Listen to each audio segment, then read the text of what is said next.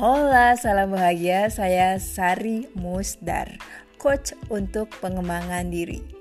Untuk yang nggak sengaja nemuin podcast ini di Spotify, Anchor, ataupun di Google Podcast, Apple Podcast, izinkan saya untuk memperkenalkan diri. Orang banyak mengenal saya melalui akun Facebook saya. Saya sering update status, banyakkan tentang opini pribadi dan juga tentang spiritualitas ataupun tentang pengembangan diri. Sebenarnya saya lama bekerja di bidang manajemen SDM tapi mungkin sebagian orang juga mengenal saya dari buku-buku saya, buku traveling dan satu-satunya novel ya uh, Cinderella in Paris bercerita tentang konsep kebahagiaan tokohnya yang setelah traveling ke beberapa negara ternyata akhirnya dia menemukan bahwa kebahagiaan itu sebenarnya ada dalam dari dalam diri sendiri. Nah, itu cerita tentang saya kalau ada yang mau tanya uh, podcast Sari Musdar biasanya ngebahas apa sih? Awalnya sih saya pengen ngebahas tentang digital marketing dan dunia kerja. Tapi makin ke sini saya lebih tertarik membahas tentang empat. Empat adalah orang-orang yang peka terhadap energi makhluk yang terlihat dan tidak terlihat. Saya juga tertarik membahas self love, konsep mencintai diri sendiri apa adanya, juga inner self. Dan tentunya saya tertarik membahas tentang pengembangan diri.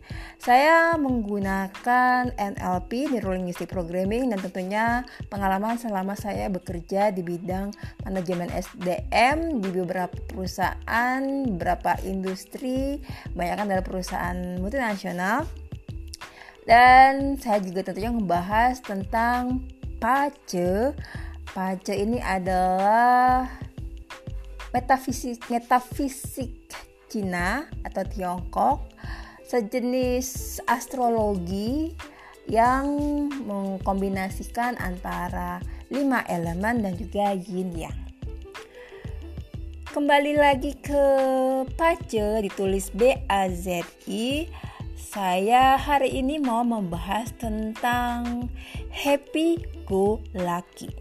Oh ya sebelumnya karena membahas tentang happy juga, saya ingin berterima kasih untuk teman-teman yang sudah mendengarkan podcast Sari Musdar karena uh, sudah didengarkan 1700 kali. Yeay! Oke, langsung aja ngebahas tentang happy go lucky. Sering banget teman-teman uh, membaca istilah happy go lucky. Orang-orang yang merasa hidupnya mulus aja nggak ada hambatan. Nah, kalau menurut saya, happy go lucky adalah bukan seperti itu. Bukan orang yang hidupnya nggak ada masalah. Hidupnya selalu lancar, mulus seperti di jalan tol tanpa hambatan saya menilai uh, kesuksesan itu adalah gabungan dari persiapan dan juga faktor X atau keberuntungan. Tapi hanya menunggu, hanya mengandalkan keberuntungan juga mungkin belum tentu kita akan sukses kalau kita nggak punya persiapan yang matang. Menurut saya, orang yang bisa melihat masalah-masalah hidupnya sebagai tantangan, untuk lebih sukses itu adalah orang-orang yang laki atau beruntung.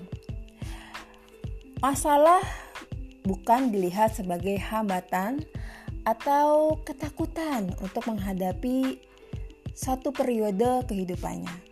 Biasanya ada orang-orang melihat masalah sebagai hambatan, tapi ada orang yang lebih positif melihat masalah sebagai opportunity, sebagai kesempatan. Kira-kira ada apa sih ini? Misalnya uh, salah satu industri uh, perusahaan yang cukup uh, sangat terkenal adalah Gojek. Pendirinya melihat masalah kemacetan di Jakarta ya, di beberapa kota besar di Indonesia akhirnya dia menjadikan masalah sebagai oportunitas, sebagai peluang bisnis buat Gojek. Kalau di Pace, simbolnya adalah 7K atau warrior dan juga crash antara beberapa simbol hewan di uh, astrologi Cina. Biasanya ada crash di natal chart di alur kelahiran dan juga di lak pilar. Lak pilar ini adalah siklus hidup seseorang per 10 tahun. Nah, jika ada simbol 7K ataupun ada class, kemungkinan orang tersebut akan menghadapi masalah hidup yang lumayan berat. Tantangan yang sangat berat yang memaksanya untuk melakukan transformasi, transisi hidup atau pivoting dan perubahan rencana atau reschedule, uh, replanning dan biasanya kalau dia berhasil mengatasi masalah ini, dia akan menjadi orang yang lebih sukses dan lebih tentunya makmur. Nah, Kebanyakan orang-orang sukses yang menginspirasi orang banyak dalam suatu dekade hidupnya, biasanya mereka akan mendapatkan masalah hidup yang berat dan karena mereka melihatnya sebagai peluang, akhirnya mereka akan sukses dan menginspirasi banyak orang. Contohnya adalah Walt Disney. Jadi, kuncinya apa sih? Kuncinya adalah kita mesti tahu peta kekuatan diri kita, kita juga bisa mengalahkan kelemahan diri kita, ketakutan diri kita. Mis, uh, kalau di NLP misalnya self limiting, uh, limiting belief atau self blockage. Uh, terus kita punya persisten, punya kegigihan. Biasanya kalau di pace dilambangkan dengan beberapa simbol Terus juga kita harus tetap fokus ke tujuan hidup. Bagaimana kita bisa fokus kalau kita nggak tahu tujuan hidup? Dan PACE adalah peta untuk melihat tujuan hidup kita untuk mengarahkan diri kita.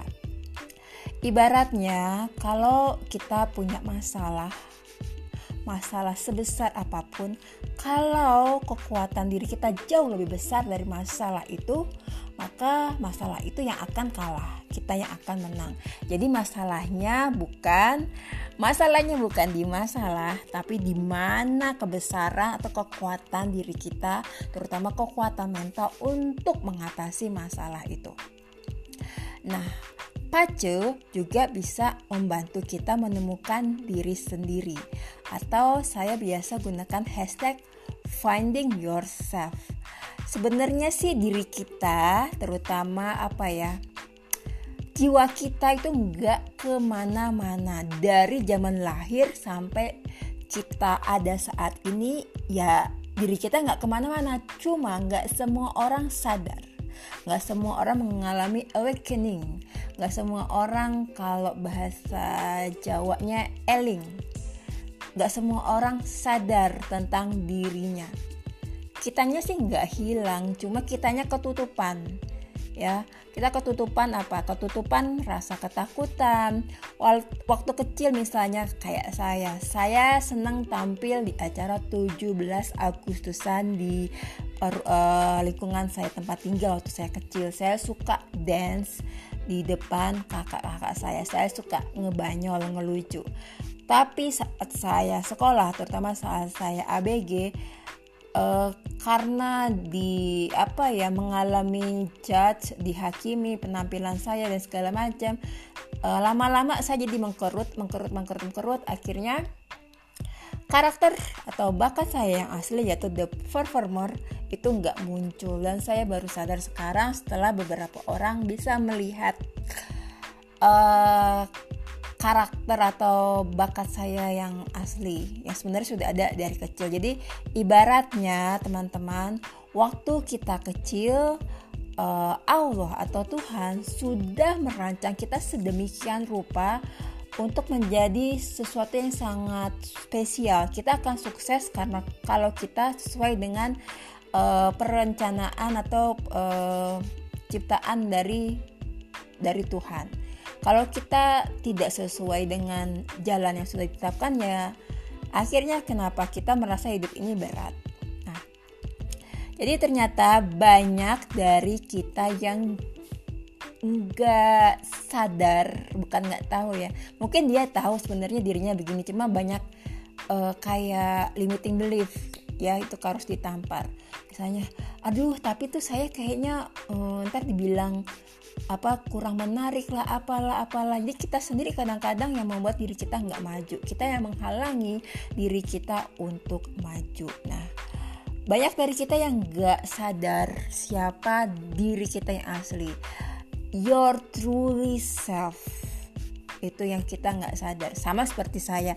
Uh, saya sebenarnya agak menyesal saya baru sadar siapa diri saya di usia yang sudah tidak terlalu muda lagi. Mungkin kalau masih 20-an akhir 30-an awal mungkin uh, masih banyak yang bisa saya optimalkan untuk uh, memaksimalkan bakat saya tapi nggak apa-apa sih nggak ada kata terlambat untuk berubah menuju yang baik terutama menuju uh, ke jalur yang sudah ditentukan oleh Allah. Ibaratnya waktu kita lahir, kita sudah dikasih alat-alat perlengkapan perang untuk menjalani hidup kita.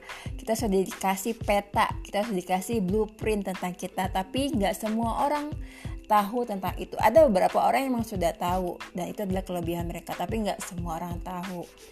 Dan jadi uh, ya nggak semua orang tahu tentang siapa diri mereka yang sebenarnya yang asli yang tanpa pencitraan uh, terus apa misi kita di dalam hidup ini apa sih kita hadir di, di dalam dunia ini uh, karena tanpa sadar kita perlahan-lahan menjadi orang lain atau menjadi apa yang diinginkan orang terhadap diri kita, bukan apa yang kita inginkan terhadap diri kita sendiri.